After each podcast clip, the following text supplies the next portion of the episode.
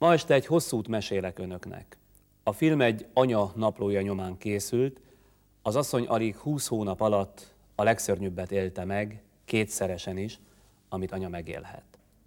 Még egy statisztikai adat a film előtt, ma Magyarországon legóvatosabb becslések szerint is 100 ezer felett van a rendszeresen kábítószert fogyasztó fiatalok száma.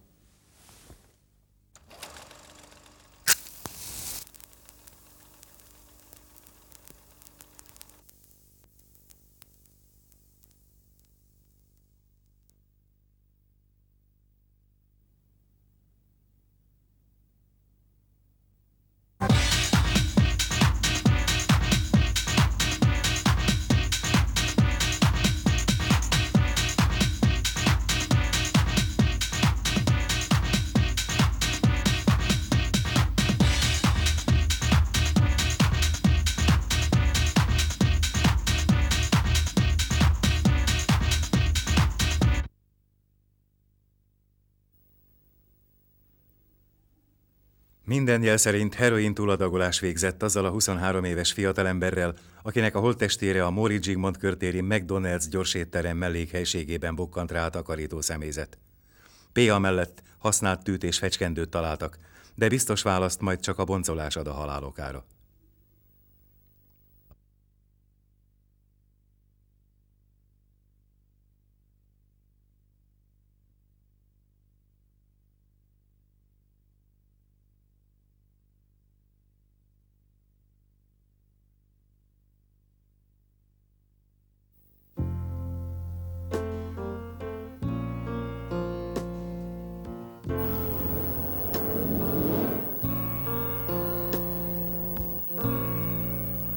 Just a perfect day. Drink sangria in the park. And then later, when it gets dark, we go.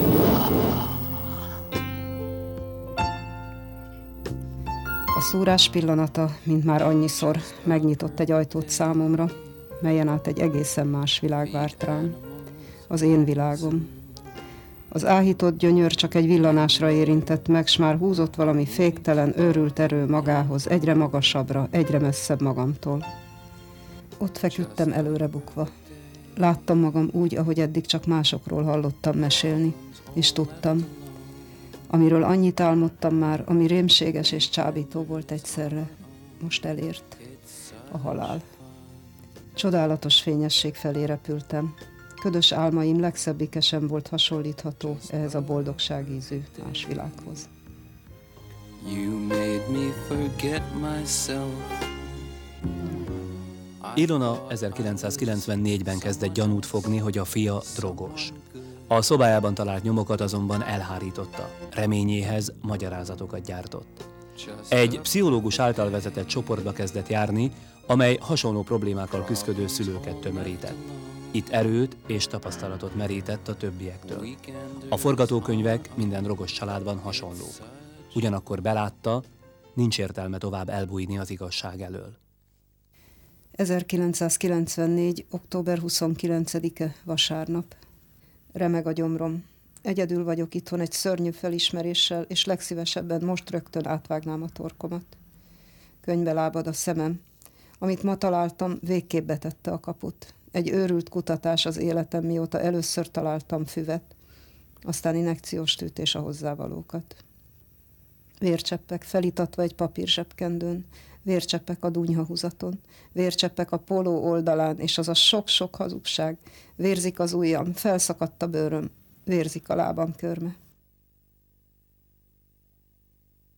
Frissibe próbáltam őt elkapni, és próbáltam vele beszélni, és akkor ő elhárítva, nagy lezserül mindig csak azt mondta, ó, hát a füves cigit nem lehet megszokni. Ö, aztán szép lassan beszereztem könyveket, és elolvastam egyszerűen, hogy valóban a kábítószereknek van-e olyan fajtája egyáltalán, amit nem lehet megszokni. És, és igazából valahogy, valahol úgy van, ahogy ő mondta, hogy ez nem okoz elvonási tüneteket, tehát ilyen módon nem lehet megszokni. Ugyanakkor ha valóban van ennek egy hatása, mint ahogy van, egy Már a állítólag, füves a füves cigarettának. egy állítólagos kellemes hatása. Ezt a kellemes hatást biztos, hogy lelkileg meg lehet szokni, errehez hozzá lehet szokni, és ez, ez ugyanúgy szükséglet. Mi volt az ön magatartása? A tiltás, vagy pedig a beletörődés, esetleg a vele együtt párhuzamosan gondolkodás erről az egészről, ami tehát nyilván folyamatként akkor indult meg. Hát semmiféleképpen nem a beletörődés, és nem is a tiltás. Mert ő egy olyan típus volt, hogy ha az ember tiltott valamit, avval, avval inkább csak gerjesztette a dolgot. Tehát ő vele beszélni lehetett. Ugyan nem mindig állt szóba az emberrel. Tehát csak ez volt a probléma, hogy vagy elütötte a témát avval, hogy ugyan te csak rémeket látsz, meg ez nem lehet, ez veszélytelen, ez, ez csak jó. Vagy pedig hajlandó volt beszélni róla. Volt olyan eset, amikor a könyvben mutattam neki Kábítószerek című, Kábítószerek világa című könyv. Mutattam, hogy azért a marihuána sem veszélytelen, és hogy végül is ez az első lépcső azon az úton, amin sokan eljutnak a végére. 1995. január 29-e. Mindenki elment itthonról, én meg végigmentem a szobákon, hogy összeszedjem a nem odavalókat és kiszellőztessek. Attila szobájában, mint egy nyomozó kutya, rögtön szagot kapok, és általában találok is valamit. És meg is találtam újra egy készletet. És én még azt hittem, hogy körülbelül egy hete már tiszta, legfeljebb gyógyszert szed, hogy aludni tudjon. Hát ez iszonyú. Félek kimondani, de egyre inkább az az érzésem, hogy reménytelen. Hiszen beismerni is fél, vagy egyszerűen nem akarja, így pedig csak támadni lehet őt, de nem lehet vele őszintén beszélni. És nem lehet kényszeríteni sem. Mit csináljak? Azon kívül, hogy dagatra bőgöm a szemem, és nem tudok sem aludni, sem dolgozni, más nem tudok tenni. Lassan elfogy az erőm, és feladom. Mert azzal a tudattal, hogy valahol csak azért él, hogy a napi adagját megszerezze. Nem, nem tudok élni.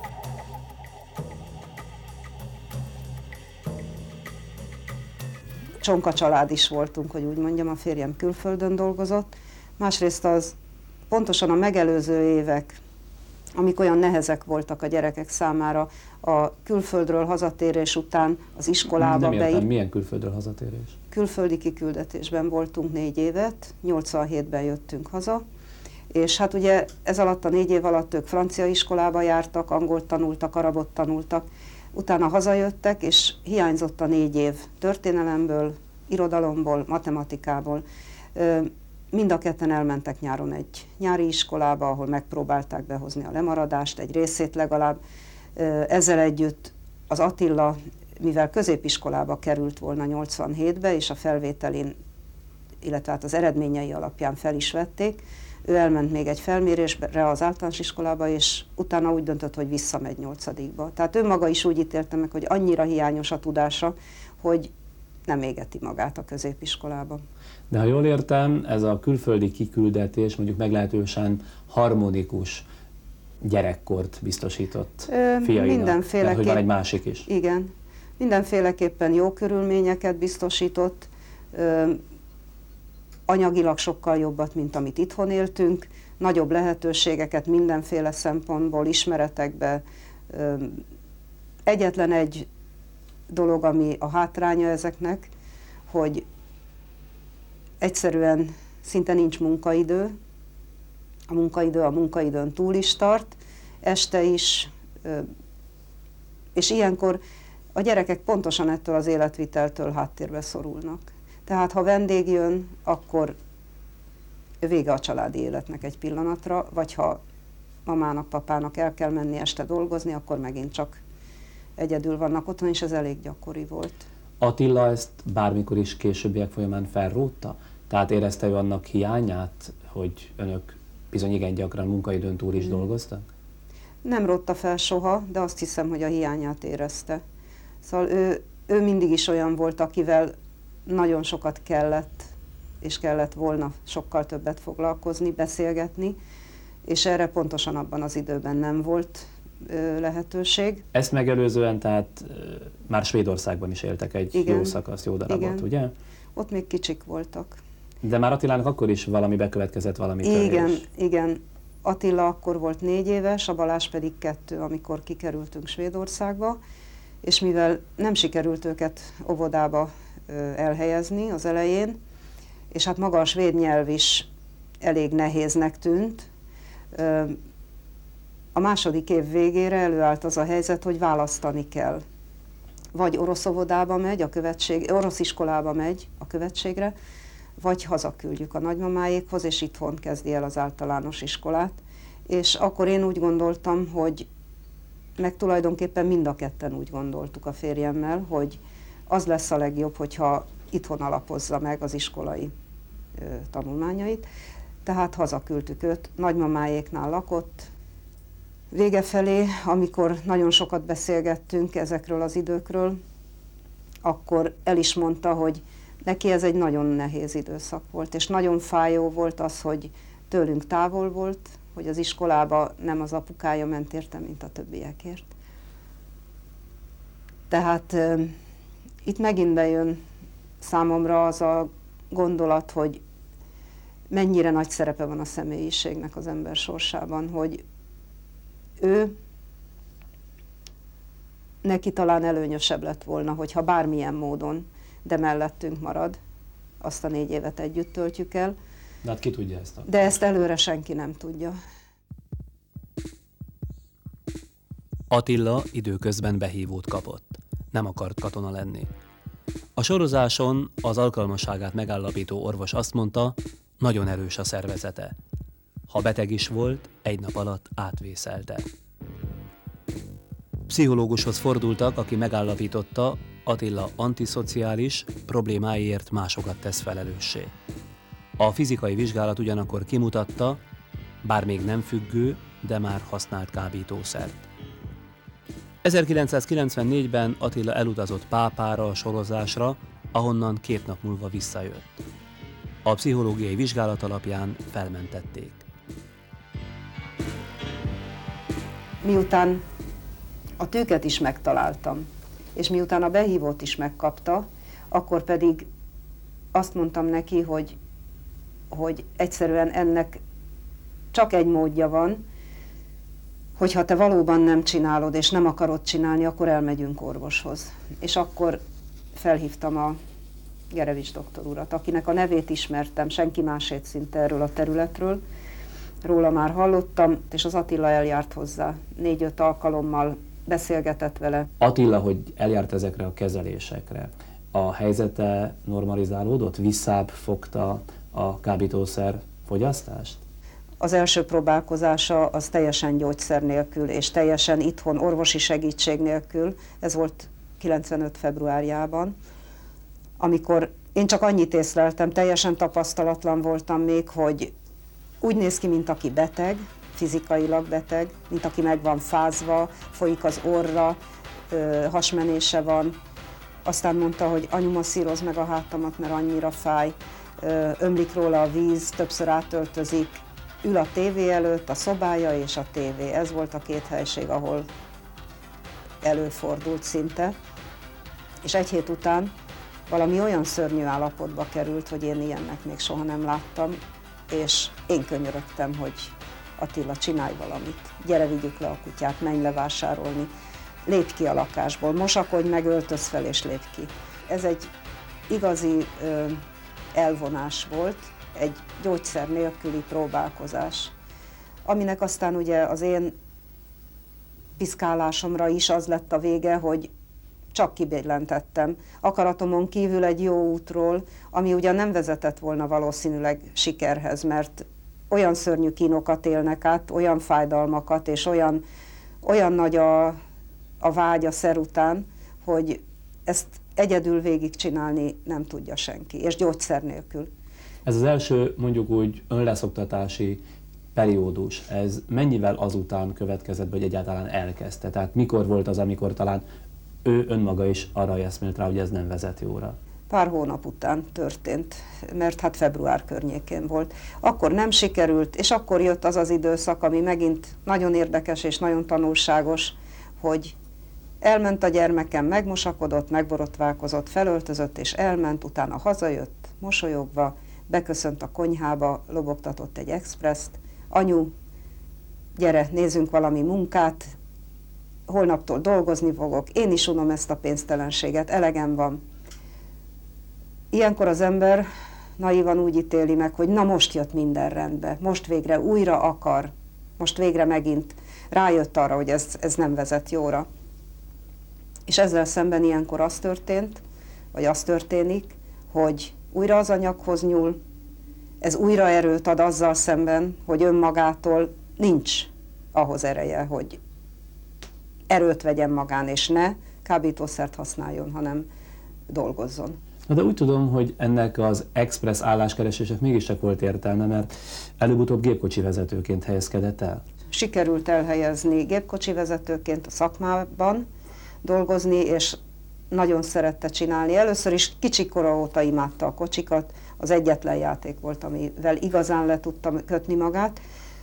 Gépkocsi vezető volt, és, és nagyon érdekes munkái voltak, külföldre utazott, csoportokat vitt, forgatócsoportot is kísért. Sárla Aznavurt sofőrje volt, amikor itt filmezett Magyarországon három hétig. Ön úgy észlelte, hogy élvezi a munkát? A nagyon, nagyon élvezte, egészen más volt. Én úgy éreztem, hogy hát megtalálta önmagát. Ez az, ami neki passzol, ami az ő alkatához, az ő személyiségéhez illik, ahol, ahol tud produkálni, használhatja a nyelveket, amit tanult, ahol jól öltözött, jó kocsiból száll ki. Nagyon-nagyon szerette csinálni. Volt-e Attilának ekkoriban egyéb magánélete? Lányok mondjuk? Ez volt a másik olyan ö, epizód, vagy olyan történés, ami őt megváltoztatta a munka mellett. Nagyon, ö, nagyon jóba voltak a kis barátnőjével, és, és úgy láttam, hogy nagyon szeretik egymást, nagyon megértették egymást, és az én fiam, aki előtte azért szívesen eljárkált délutánonként a haverokhoz, néha este is elment, közben hazaszaladt, bejelentkezett, akkor nagyon sokat volt itthon. Volt olyan hétvége, amit szombat-vasárnapot itt töltötték ketten együtt, és Balázs akkor volt kint az édesapjánál. Hogy a kisebbik tehát, fiú. A kisebbik. Tehát hármasba voltunk, és, és én emlékszem, hogy nekem akkora örömet okozott, hogy én szaladgálok a tálcával, és ágyba hoztam a reggelit, és megkérdeztem, hogy akkor most mit főzzünk vasárnap ebédre, mit tegyünk. Az Attila, aki nem igazán tudta az érzéseit kifejezni, csak vészhelyzetekben, majdnem. Egyszerűen hihetetlenül, hihetetlenül gyengéd volt. Egy idő után azonban ellaposodott a kapcsolata a lányjal, majd megszűnt. A szíve mélyén talán folytatta volna, de Attila nehezen vállalta a belső dolgait. Tele volt érzésekkel, de képtelen volt azokat kifejezni. Jöttek sorban a nők, de őket már nem hozta fel, és nem is mutatta be édesanyjának. Barátai persze mindig voltak. Kiválasztott magának valakit, akivel mély és hosszantartó barátságot kötött. Az egyik gyerekkori barátsága például úgy ért véget, mint a drogosoknál általában. Kölcsönkért valamit, és azt elfelejtette visszaadni valószínűleg pénzét tette. Újból kezdődött a függés korszaka.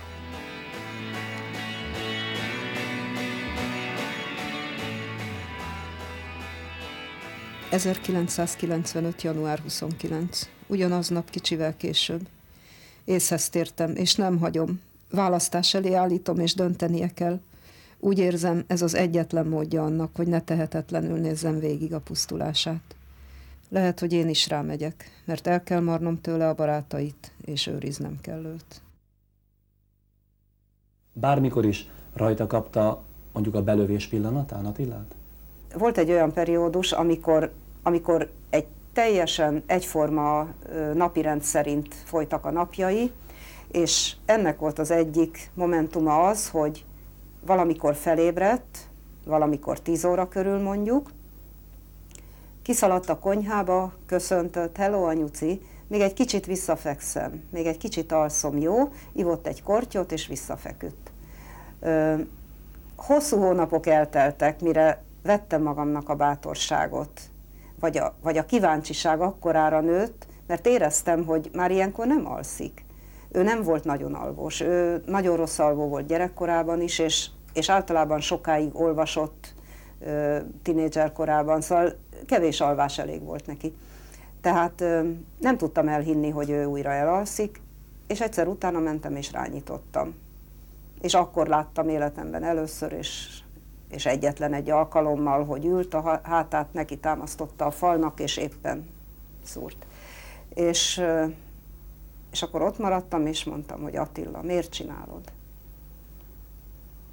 És akkor ilyenkor nem, nem, nem tiltakozott, nem mondott, nem magyarázkodott, csak rám nézett, és akkor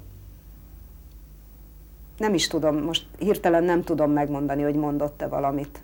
Rám nézett, és én, és én megfordultam, és kimentem. Mindezen közben hol volt, és mit tudott a fejleményekről a férje? Hát a férjem az ugye külszolgálaton van, most is. Az első, a behívó utáni, illetve a behívó ideje körüli a észlelésekről, az orvosról, a próbálkozásról mind írtam neki.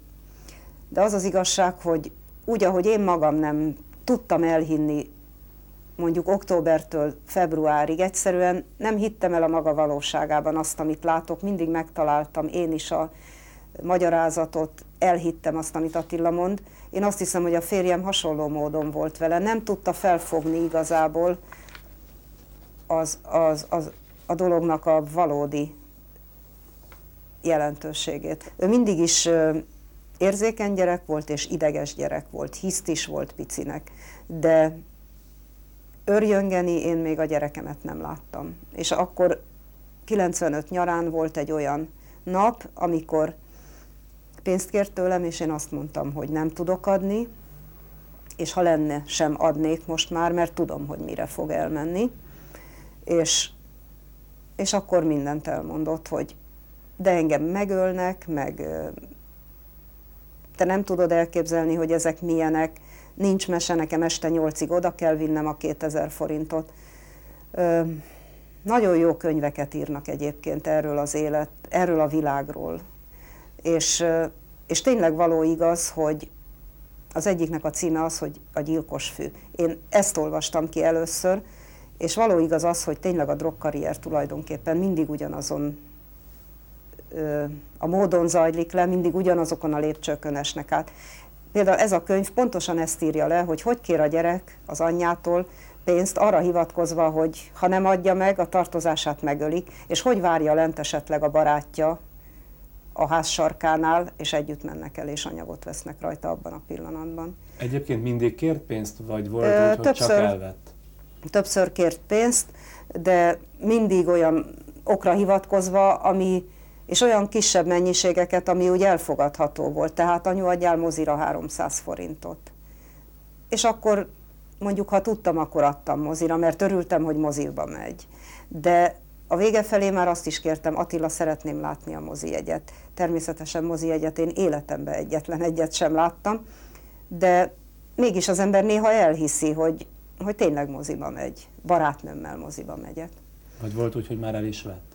Volt úgy, hogy el is vett, ez, ez viszont még abban az időszakban volt, amikor még én sem voltam tisztában, hogy mivel állok szembe, csak olyan jelek voltak, ami, ami valahogy sehogy nem illett bele a képbe. Például az, hogy a, úgy emlékeztem, hogy a pénztárcámban több pénz van, de ezzel szemben hiányzott belőle mondjuk egy ezres, egy ötszázas. Volt, hogy erre ki is tértünk, természetesen mindig azt mondta, hogy át, rosszul emlékszel, biztos elhagytad, biztos már elköltötted, csak nem képzeled rólam, mondta ő.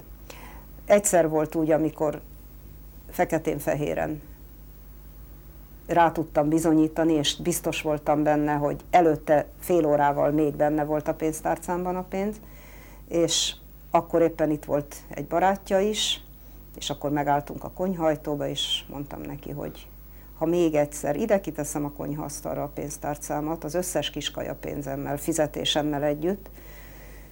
Volt egy időszak, mikor a Balázs katona volt, az Attila nem dolgozott, és végül is én dolgoztam egyedül a családban. A férjem segített minket mindig, de nem volt rendszeres. Tehát nem nőtt a fizetésünk havi akárhány ezer forinttal.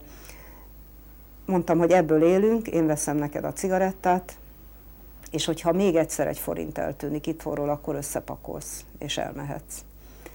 Ez is sokszor felmerült egyébként. Sokszor ő mondta, hogy elköltözöm, elegem van belőletek, elegem van már a kutatásaidból, elegem van a kérdezőskedéseidből. Soha nem jutott el odáig. Szóval azt is megértettem valahol, hogy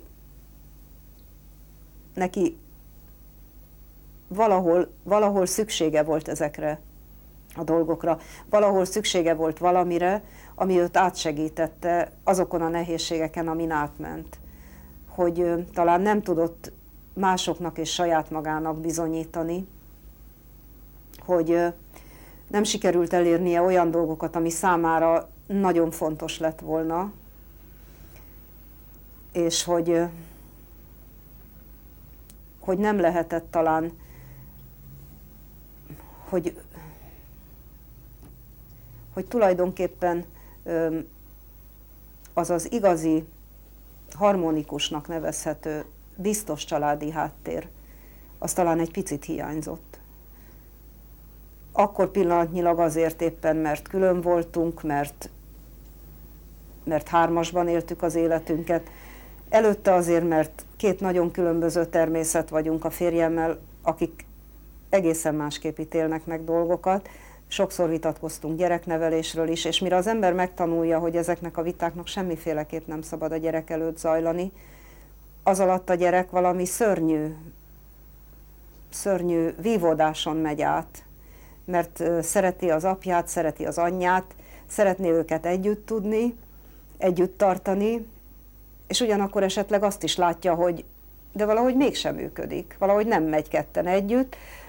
Nyugodtabb a helyzet, amikor az egyik van, és a maga módján szereti, és, és nyugodtabb, amikor a másikkal egyedül van, és az is szereti. Mert a Attila szóba is hozta? Amikor, ha előfordult, hogy én éppen idegesebb voltam, és, és valamin kiborultam, és azt mondtam, hogy na nekem ebből elegem van, én úgy akarok élni, ahogy én azt jónak látom, és nem úgy, ahogy szinte kényszerítve voltam az év, évek alatt, évtizedek alatt, állandó utazásokkal, s visszajövetelekkel, teljesen feladva mondjuk az én munkámat, önmagamat. Tehát azt mondtam, hogy lehet, hogy jobb az, hogyha a saját lábamra állok, akár külön is. Akkor Attila is mindig azt mondta, hát ne panaszkodj, miért nem válsz el, csinálj valamit. Én pedig állandóan azon vívottam, hogy vajon egy vállás, én biztos vagyok benne, hogy igazából egyetlen gyereknek sem jó. Attila így aztán valószínűleg az apja hiányából adódóan is választja egy rövid periódusra, hogy kimegy édesapja után? Ő nagyon-nagyon szerette az apját, azt hiszem, hogy példaképe is volt az apja, mindenféle módon, a munkájában, beosztásában. Nagy szüksége lett volna Attilának arra, hogy megmaradjon kettőjük között a jó apa-fiú viszony.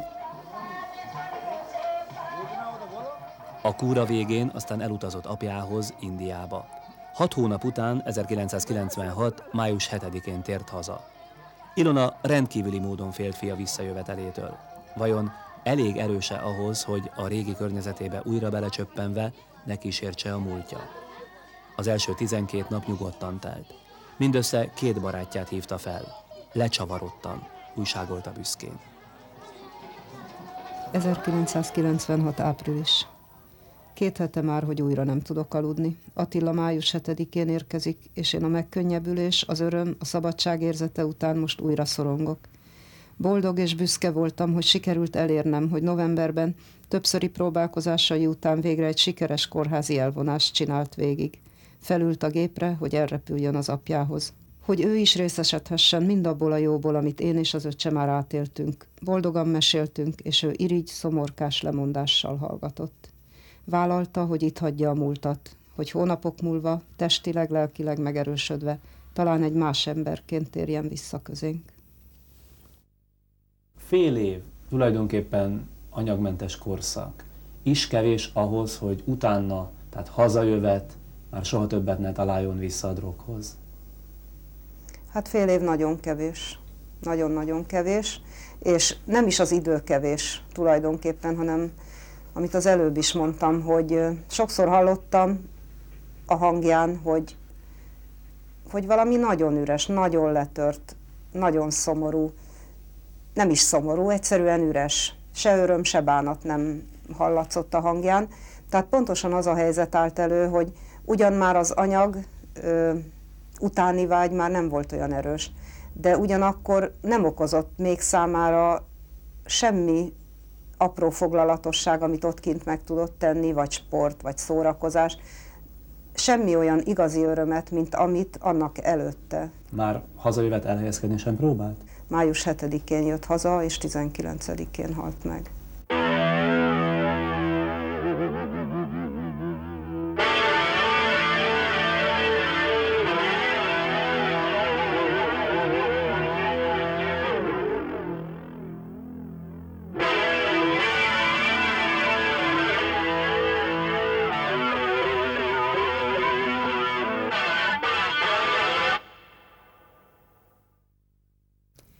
...1996. május 19. Életemben először érzem, hogy valaminek a puszta látványa őrült fizikai fájdalmat okoz, és ez csak pár sor tőle. Anyuci, nem tűntem el, mint a szürke szamára ködben, hanem egy haveromnál ittunk. Mindenki oda rendelte a csajsziát, ott aludtam.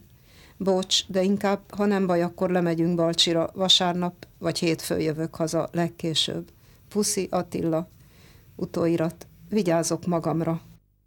Élete első és utolsó nagy búcsúzkodása a múlttól. Ahogy ő nevezte, egy fél éves lecsavarodás, drogmentes élet után. Ez a búcsú, egy utolsó szúrás, ön vagy más akaratától vezérelten, visszavonhatatlanul örök. Csak ülök, és nincs erőm mozdulni.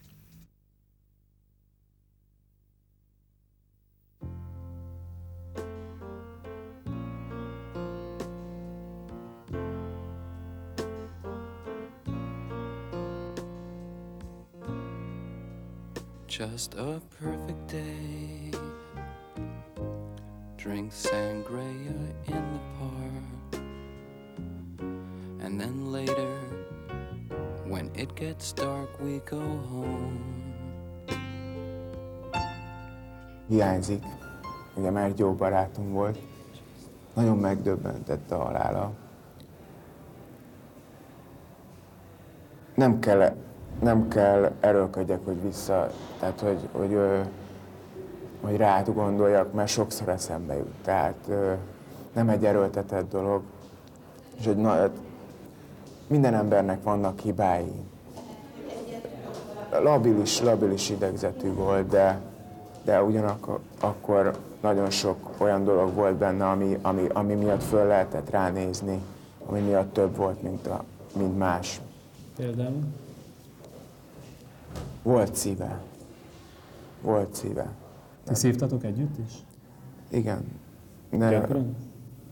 Igen, igen, elég gyakran, de mondom, szóval én, én inkább szívtam, ő meg, ő meg nem. Tehát ő nem volt, ő inkább a másik pártját fogta ennek a Vagy dolognak. Fecsegővel bedagoltam? Igen. Igen.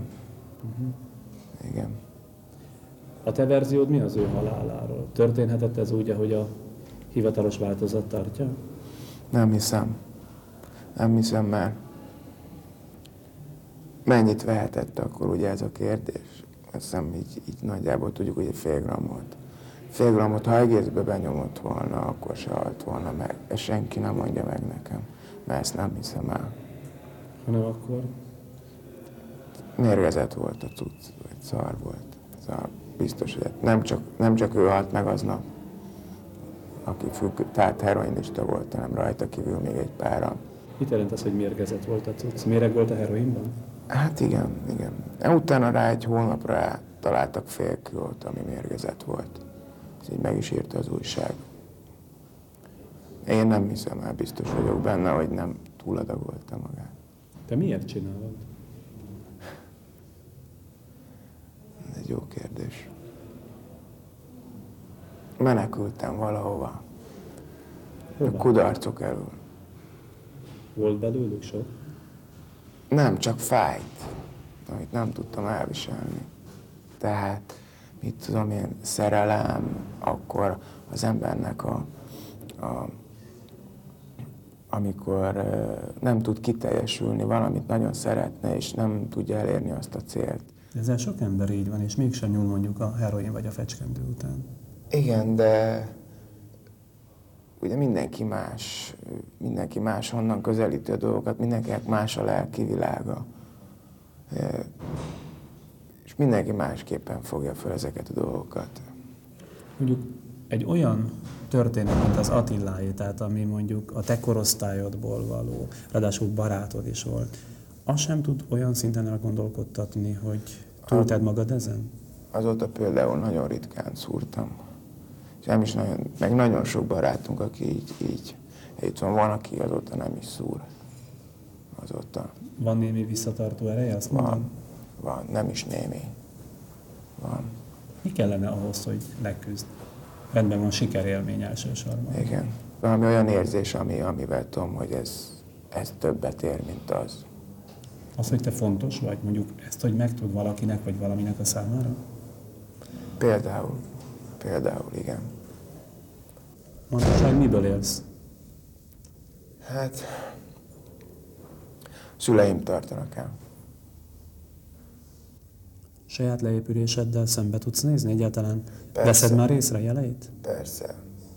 Sőt, egyre jobban, természetesen. Miket tapasztalsz magadon, ami már más, mint régen?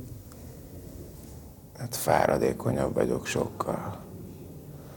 Sokkal rosszabb, akkor az embernek kikezd ugye a fogait, a, a csontjait, mindent. Arcod is olyan beesett. Fehér is vagyok. Mondjuk ez az alapszínem is, de ettől függetlenül. Szerinted lesz erőd ezt abba hagyni? Biztos. Nagyon remélem.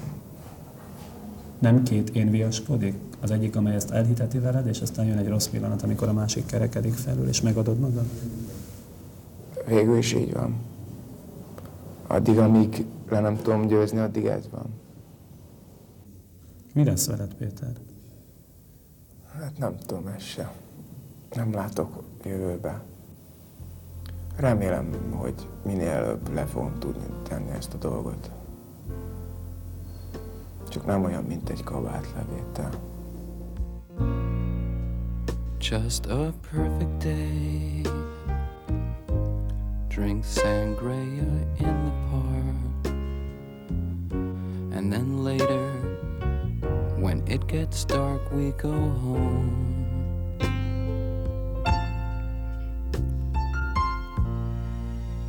Just a perfect day.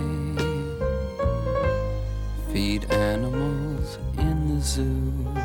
A temetés után én egyszerűen nem tudtam hozzányúlni, és nem is akartam hozzányúlni a szobájához. Sokat segített talán az egésznek a feldolgozásában, hogy ö, egyszerűen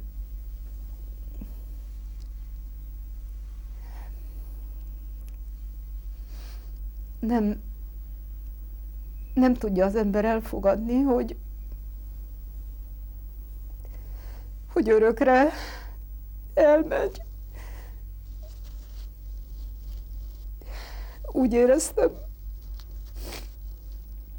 hogy meg kell tartanom magam körül dolgokat, és szép lassan szép lassan feldolgozva majd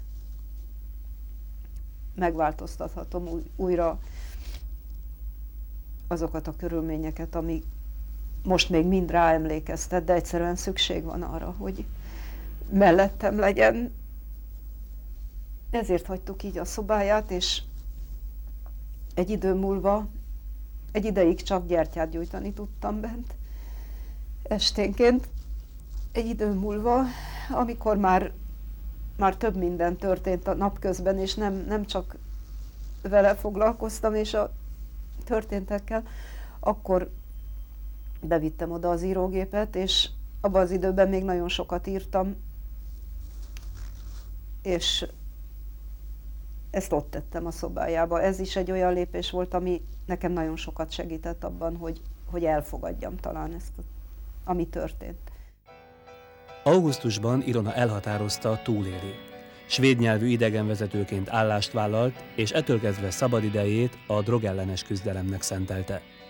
A kerületi önkormányzat szervezte életmódnapra, például készített egy bábut, egy farmer Jackire ráragasztotta Attila összes képét, gyerekkortól a haláláig, a Jackie egyik karját pedig átkötötte egy nyakkendővel, másik ujjába egy öngyújtót és egy görbített kanalat helyezett. Úgy érezte, ilyen mindennapi eszközökkel kell szembesíteni az embereket, és figyelmeztetni arra, hogy ki lesz a következő. Itt ezen az életmód napon, illetve előtte hívott fel a, innen az irodából Andrea, hogy most engedtek ki a neurológiai intézetből, tehát föntről a pszichiátriáról egy fiút, aki vidéki, nem szeretne visszamenni vidékre, kellene segíteni neki albérletet és munkát keresni, nem lenne kedvem. Szintén drogos volt a fiú? Szintén drogos volt, szintén heroinista. És mondtam, hogy dehogy nem. Azt mondta Andrea, eljön oda az életmódnapra, és megismerkedünk. Eljött a fiú, és egy, egy nagyon értelmes, nagyon helyes, nagyon szimpatikus fiút ismertem meg, akin látszott, pontosan az látszott, amit én is láttam a gyerekemen, hogy, hogy nagyon nagy szüksége van arra, hogy valaki egyfolytában mellette álljon, nem fizikailag, hanem mindenféle módon segítségben. És megismerkedtünk, és megbeszéltük, hogy segítek neki munkát szerezni, segítek neki albérletet szerezni. Milyen szoros viszony alakult ki ön és a fiú között? Én úgy éreztem, amikor szembeállt velem, pontosan, mintha a saját gyerekem állna előttem, és tulajdonképpen október 5-én ismertem meg őt, és egy pár találkozáson, pár találkozás után úgy éreztem, hogy úgy ültünk egymással szemben a konyhaasztalnál, mint ahogy valahogy az én saját gyerekemmel. Angolul tanult, valamikor tanult is, és újra felfrissítette, önéletrajzot írt, ezen a faxon küldtük el, hazautazott a nagymamához, felhozta az akkóját, a szövetnadrágját, fehéringet, nyakkendőt, és így jelent meg nálam az utolsó alkalommal, és beállt a tükör elé, és kérdezte, hogy na, hogy nézek ki, jól nézek ki, meg fogok felelni. Ugyanakkor én abban a találkozásban már valami mást is észrevettem, ami, ami nagyon-nagyon összetört és elbizonytalanított, mert én úgy láttam, hogy szemben az előző találkozásokkal, amikor bizonytalan volt, hogy hazautazzon-e a mamához, vagy, vagy mit csináljon, és mondta, hogy néha annyira gyengének érzi magát, és olyan jó lenne, ha mindig mellette lenne valaki. Ugyanakkor ez az utolsó találkozás viszont egészen más volt. Az a bizonyos feldobott hangulat, az a magabiztosság. Nekem az volt az érzésem, hogy valamit használt. És ezt én meg is próbáltam vele tisztázni, nagyon összetörve, látta rajtam. Szóval ők egy pillanat alatt, mint hogy az én fiam is mindig felmérte, hogy nincs értelme mellé beszélni. Egyszerűen akivel megvan a, az érzelmi kapcsolat, vagy akit egy kicsit is ismer az ember, belát a szavai mögé. És akkor ő azt mondta, hogy hát csak, csak a barátom használt, és csak egy szippantás volt, és, és, és, és mondtam neki akkor, hogy, hogy ne csináld ezt, vagy, vagy ezt ne csináljuk együtt. Mert én nem tudok úgy segíteni, hogyha te engem átvágsz, vagy hogyha te nem ezt akarod. És Mi lett a vége? Ez volt az utolsó találkozás. Még, még visszalépett a folyosón, és adott két puszit az arcomra. Szia! És majd jelentkezem, és utána egy hétig nem hallottam róla. Norbertet nagymamája nevelte, mivel édesanyja meghalt, apja külön élt. Ilona pedig úgy érezte, a sors küldte őt fia helyett. Szárnyai alá vette, de ez nem tarthatott sokáig. Október 5-én ismerkedtek meg, október 23-án Norbert az oktogonon lévő Wendy's mosdójában, szintén túladagolás következtében meghalt.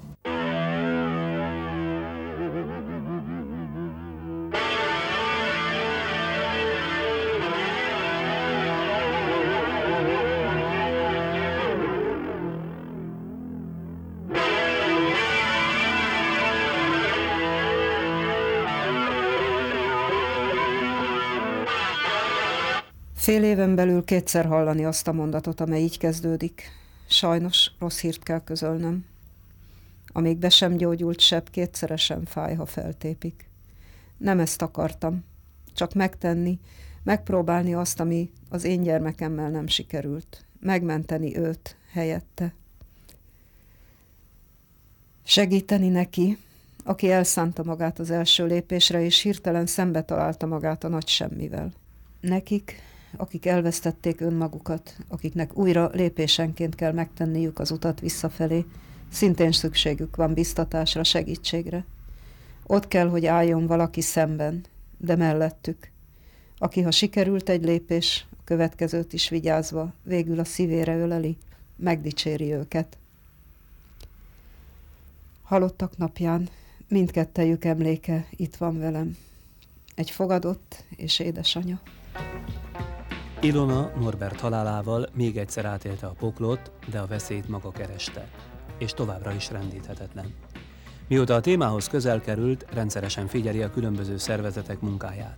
Mindenhová eljár, ahol úgy gondolja, segíthet. Kiderült ugyanakkor számára az is, hogy csak azok tudnak meg bármit is a kábítószerről, akik már benne vannak.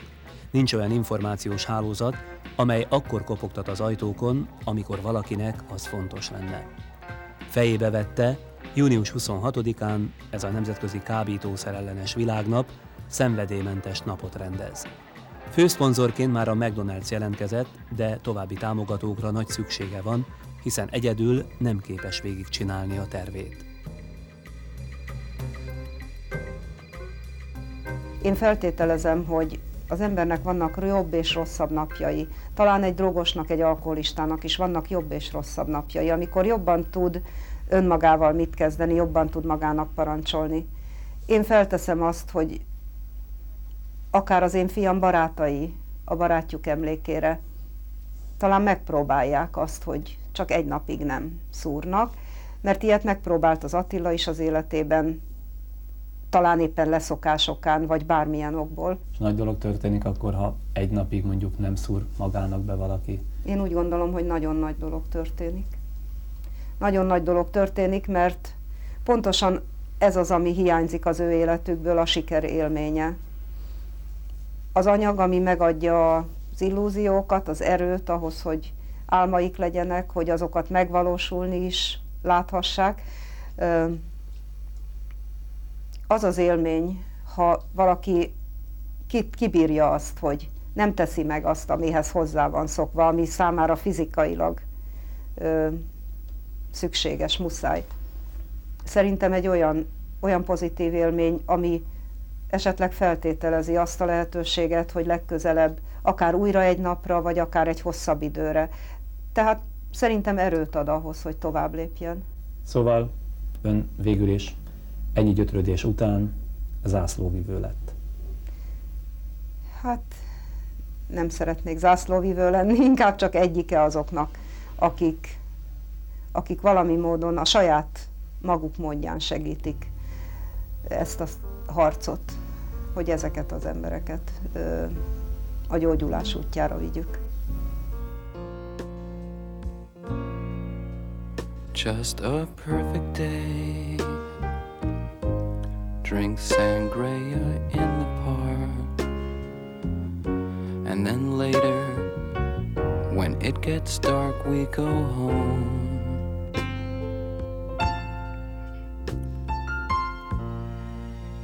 Just a perfect day. Feed animals in the zoo. Then later, a movie too, and then home.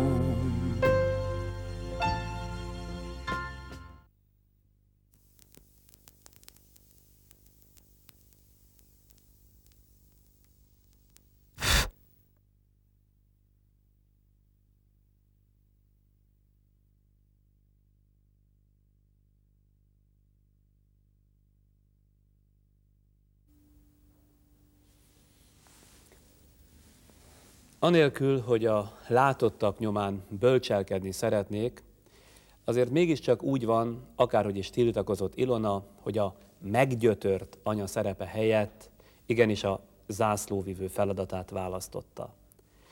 Talán azért is, mert csak így lehetett túlélni. A film tanúságát egyébként főleg azoknak a fiatal embereknek szánom, akik manapság, ha ritkán is, de kipróbálják akár az enyhébb kábítószereket is.